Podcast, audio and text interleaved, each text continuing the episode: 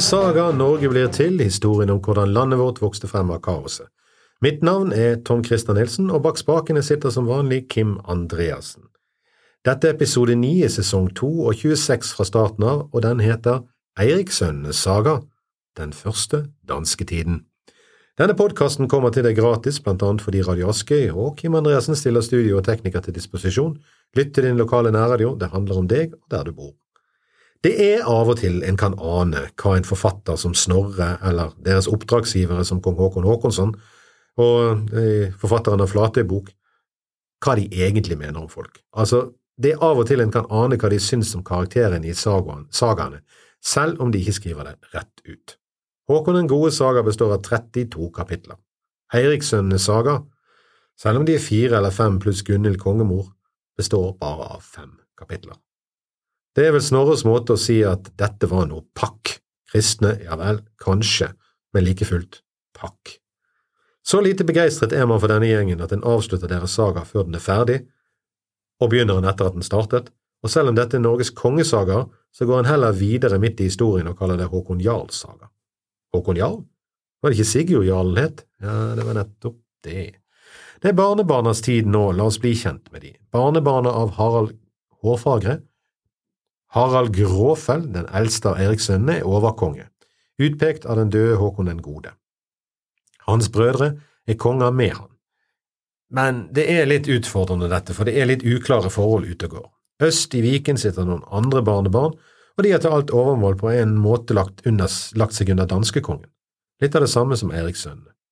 Det gikk relativt greit å bli enig med de at de fikk være småkonger som før under Håkon, med andre ord, de betalte skatter, og så lenge de gjorde det, holdt Erikssønnene seg unna, med unntak av de obligatoriske veitslene. De ble også sjeldnere, for Erikssønnene følte med rette at det ikke var trygt å reise på besøk til Håkons gamle venner, så de holdt seg mest på Vestlandet. De fikk etter hvert i stand en avtale med Sigurd Jarl, kongemakeren som gjorde Håkon til konge.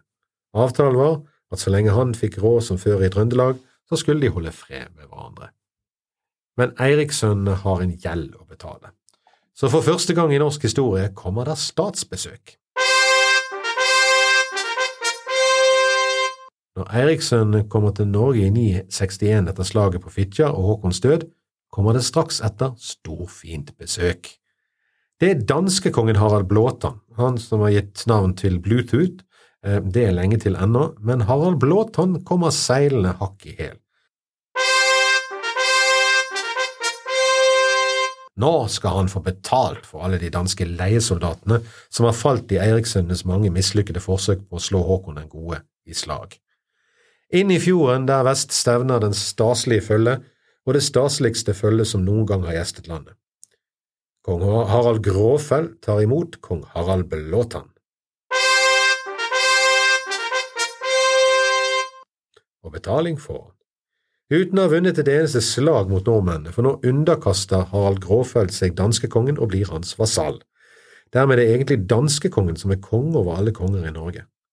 Nå skal det betales skatter fra Norge til Danmark, og det blir hugget i stein for Harald Blåtann er storfornøyd og drar sporenstreks hjem og hugger dette i bautasteinen han har reist ved Gjellinge på Østjylland. Den hadde følgende inskripsjon Kong Harald bør gjøre disse kumler, vil si minnesmerker, etter Gorm sin far og etter Tyre sin mor, den Harald som vant seg hele Danmark. Der hadde det stoppet, men nå la Harald Blåtann til, hugg, hugg, hugg, hugg, og Norge, så altså kong Harald bør gjøre disse kumler etter Gorm sin far og etter Tyre sin mor, den Harald som vant seg hele Danmark og Norge. Men det var disse inntektene og skattene.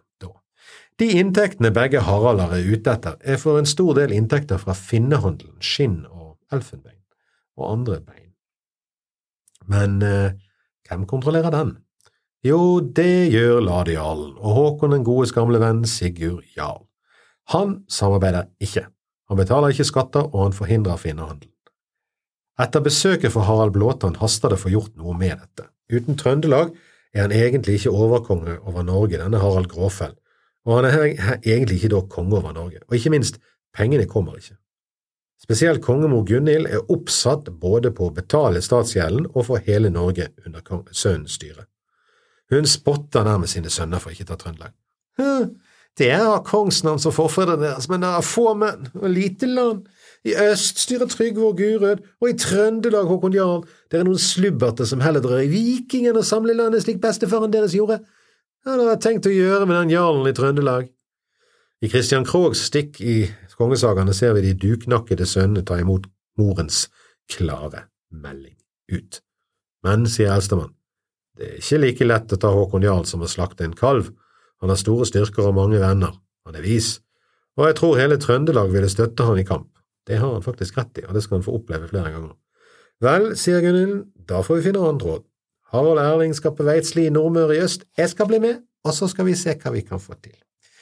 Det starter snilt. Når de kommer opp på Møre, sender de gaver og vennskapsforespørsler til Sigurd Jarl i Trøndelag. Tilbudet er at Sigurd Jarl skal få den samme statusen som under Håkon den gode, med andre ord dele sine skatteinntekter og finne skatteinntekter med kongen. Det syns Sigurd er en grei deal, og slår til. Men når Gunhild og sønnene spør om de kan møtes for å liksom seal the deal, gjøre håndtrykk på det, da sier Sigurd Jarl jo, takk som mye, men jeg har ikke tid, sjø. Ikke tid? Han har ikke tid til å møte kongen?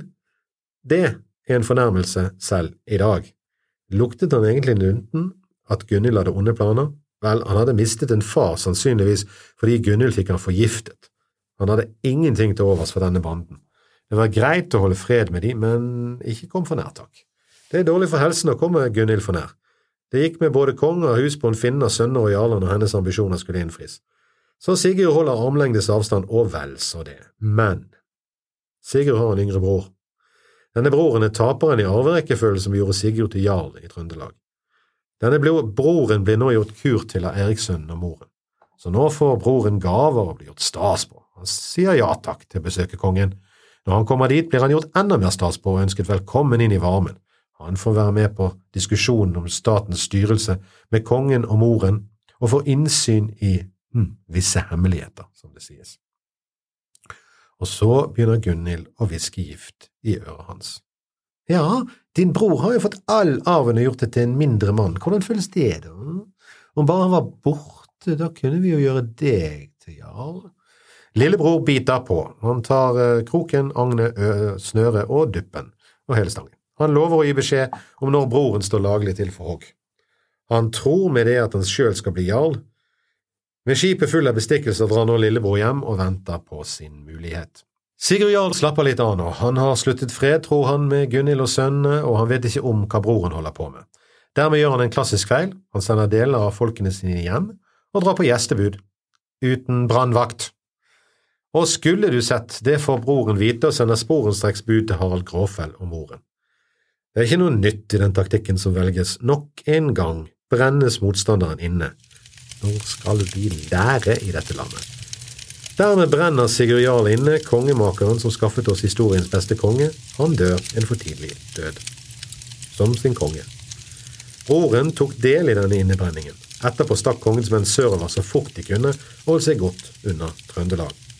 Det var lurt, og kanskje også litt dumt. For da trønderne fikk vite dette, heiv de seg i skipene, alle som en, klare til kamp, men fuglen var fløyet. Det var det lure. Lillebroren til den døde Sigurd fikk erfare at det ikke var så lurt å stole på Gunhilds løfter.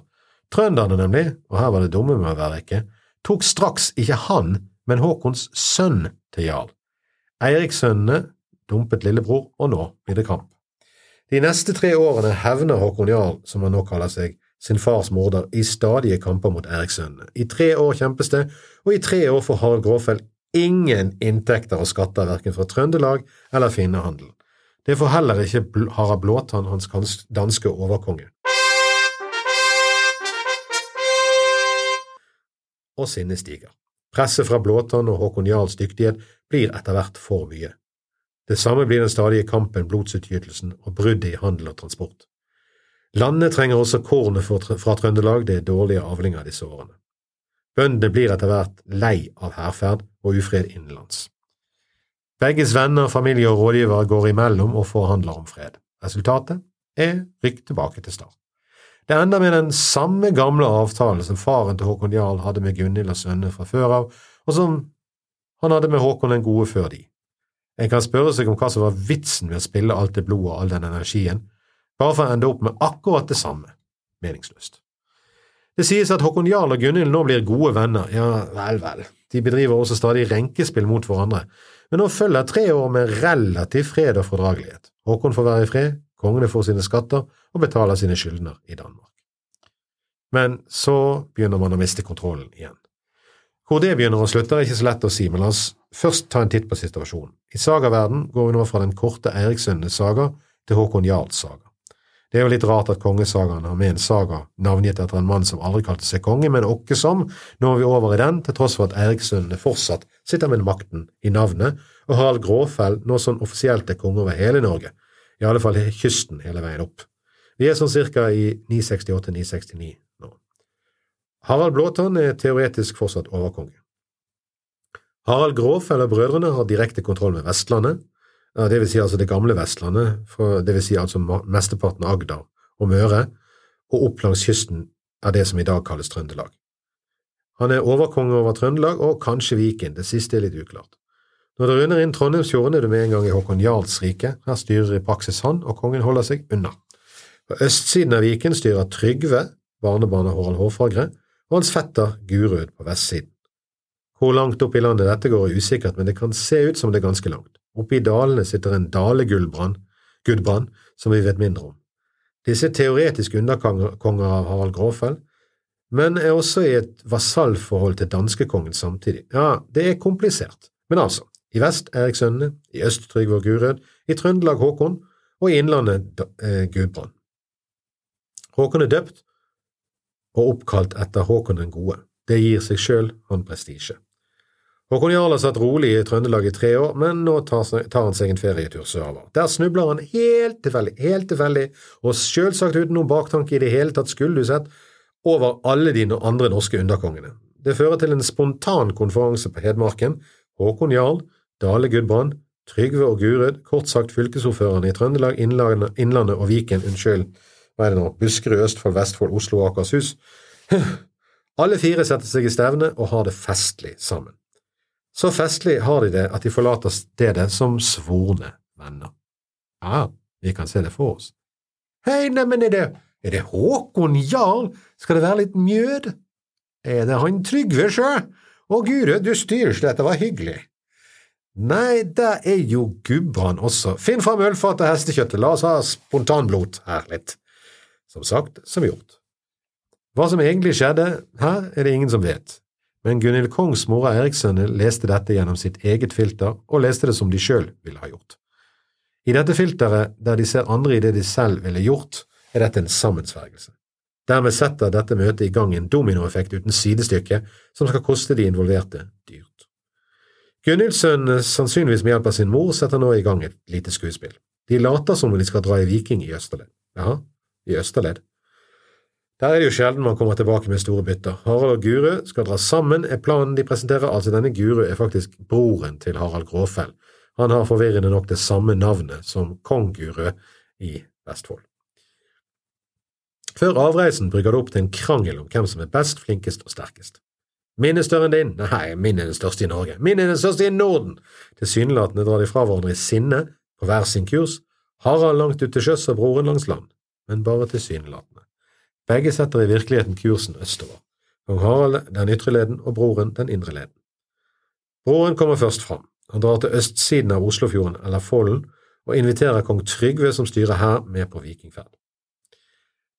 Det er vanskelig å tro det, men Trygve sier faktisk ja og kommer for å møte han og bli med. Trygve og hans tolv følgesvenner blir dermed drept på stedet. Pling, en småkonge mindre. Haralds bror kommer nå til vestsiden av Follen, ja, altså Vestfold i motsetning til Østfold. Til Tønsberg kommer han. Der finner han ut at kong Gure er oppe på gjestebud litt oppe i lien. De slår til med en gang, ringsetter huset og dreper han. Og nå møtes de to gjenværende brødrene, Eirikssønnene, og legger Viken under seg. Kort og fyndig, og dermed var det egentlig bare én fiende igjen, Håkon Jarl. Dalegubren hører vi ikke så mye til. Nå har Gunhild og sønnene en mulighet til å ta et oppgjør med han, så rart enn høres ut. De samler en hær i Viken der de nettopp har drept de lokale kongene, men det finnes alltid noen menn som vil være med på hærferd, og seiler rundt kysten. Der de kommer, plukker de opp flere skip og flere folk. De kunngjør høylytt at de planlegger å ta den hæren til Trondheim mot Håkon Jarl. Håkon Jarl svarer med å mobilisere trønderne og herje Møre og Romsdal. Fristende nok. Av alle ting. Men det kan se ut som om det er fordi onkelen hans, Nidingen, som sørget for at faren ble drept, holder til der.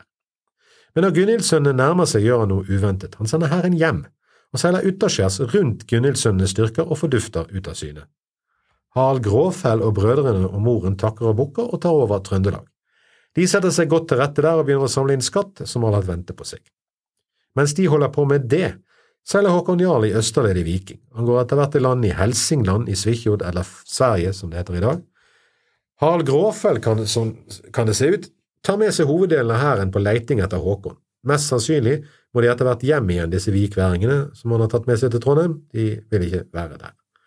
Mens han holder på med det, sniker Håkon Jarl seg tilbake til Trøndelag, de to av kongenes brødre som befinner seg der, får panikk når de ser trønderne reise seg igjen og Håkon Jarl i horisonten, og stikker av til Møre og Romsdal. Harald og hans hær er ingen steder å se. Nå begynner en stillingskrig der ingen er sterke nok til å få has på den andre, men Gunhild-sønnene kommer ikke forbi Stad lenger på grunn av Håkon. Dette er uholdbart. Hvor uholdbart det er, kan vi se når vi tenker på at de to småkongene Harald Gråfell og broren gjorde av med på Østlandet, var danskekongens vasaller. Det er første trekk i en prosess som skal gjøre at de, at de irriterer danskekongen og skaper ris til egen ræv. Som ikke det er nok, klarer de å lage trøbbel i kjerneområdet sitt, Hordaland. En av brødrene til kong Harald Gråfell, Sigurd Sleva denne gang, klarer det kunststykket å voldta konen til en av de viktigste mennene i Hordaland. Herregud, for en type. Han stakk av etter udåden, selvfølgelig, men med frekkhetens nådegave dukker han opp igjen på ting på Voss ikke så lenge etter, i kompaniskap med sin bror, kong Harald, og det er nok det som gjør han at han føler seg trygg. Men hordalendingene er langt fra fornøyd. Det går ikke bedre enn at hordalendingene samler seg og vil drepe både kongen og broren for godt mål. Harald Gråfell flykter ned til Hardanger, med andre ord ned skjervet til Granvin, og Sigurd Sleva flykter til Bergen, eller til Alrikstad, som det heter. Men han er ikke trygg der. Stormannen, som har fått sin kone voldtatt, heter Klypp Herse, eller Høvding Klypp. Han setter etter og finner Sigurd på Alrikstad. Han gjør kort prosess, spør ikke noe og sier ikke noe, bare stikker spydet gjennom han uten mer enn videre verdigheter. En av Sigurd menn dreper så til gjengjeld Klipp på stedet. Det kan synes merkelig, men eh, med det gjenopprettet Klipp sin kones ære og fordi han sjøl døde, kunne han ikke kreve noen bot eller blodhevn for det, og han var død. Klipp var kanskje ikke Norges første feminist, men han tok sitt ekteskapsløfte alvorlig. Nok en Eiriksson går i graven, det begynner å tynnes, og nå forstår en kanskje hvorfor gjennomsnittlig levealder for menn på denne tiden var så kort. Men nå klarer likevel Harald Gråfell å reise en hær for igjen å slåss mot Håkon Jarl. Det var kanskje det som var poenget med det fatale tinget på Voss. Historien gjentar seg, Håkon får nyss om det, begynner å herje med Romsdal. Denne gangen får han faktisk tak på sin onkel, og i slagene her går det nå med to jarler og onkelen sjøl. Nok en gang når hovedhæren nærmer seg, så stikker Håkon av gårde til sjøs. Denne gangen drar han til Danmark, og der blir han overraskende godt tatt imot. Det er ikke så rart. Harald Gråføl har jo drept danskekongens underkonger i Viken, og ikke betalt sin skatt til danskekongen. Så nå ble plutselig danekongen og Håkon Jarl bestevenner. Det er en annen også, en annen Harald, som har lyst til å bli konge i Danmark, så her blir stadig mer forviklinger. Hjemme i Norge erobrer Harald Gråfeld Trøndelag for annen gang uten kamp, men som sist går det til hel når han følger hæren sin hjem igjen til Viken. De krever inn skatter fra bøndene som ikke har vært betalt de siste årene, det er svært lite populært, hans bror Erling blir satt igjen for oppsyn og får den briljante ideen å kreve inn enda mer skatter fra trønderne. Da får trønderne nok, og dreper han. Skattelette! Dermed har det nå gått med to brødre på kort tid. Harald Gråfell lever nå farlig.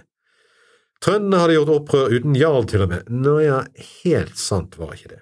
Jarlen gjorde sine hoser grønne, hoser grønne hos danskekongen, men sendte samtidig beskjed om at hans venner i Trøndelag skulle forsøke å drepe Erling. Mens vinteren går, sitter Håkon Jarl og grønner i Danmark. Det brygger opp til fare for Eirikssønnene, de gjenlevende Eirikssønnene, og Harald Gråfell. Hans dager er egentlig talte. Mer om det i neste episode. Mitt navn er Tom Christer Nilsen. Send meg gjerne spørsmål eller kommentarer på tom.christer.gmail.com. Bak spakene satt Kim Andreassen, og vi gleder oss til å møte dere igjen for neste episode, når vi blir kvitt Eiriksønnen for godt.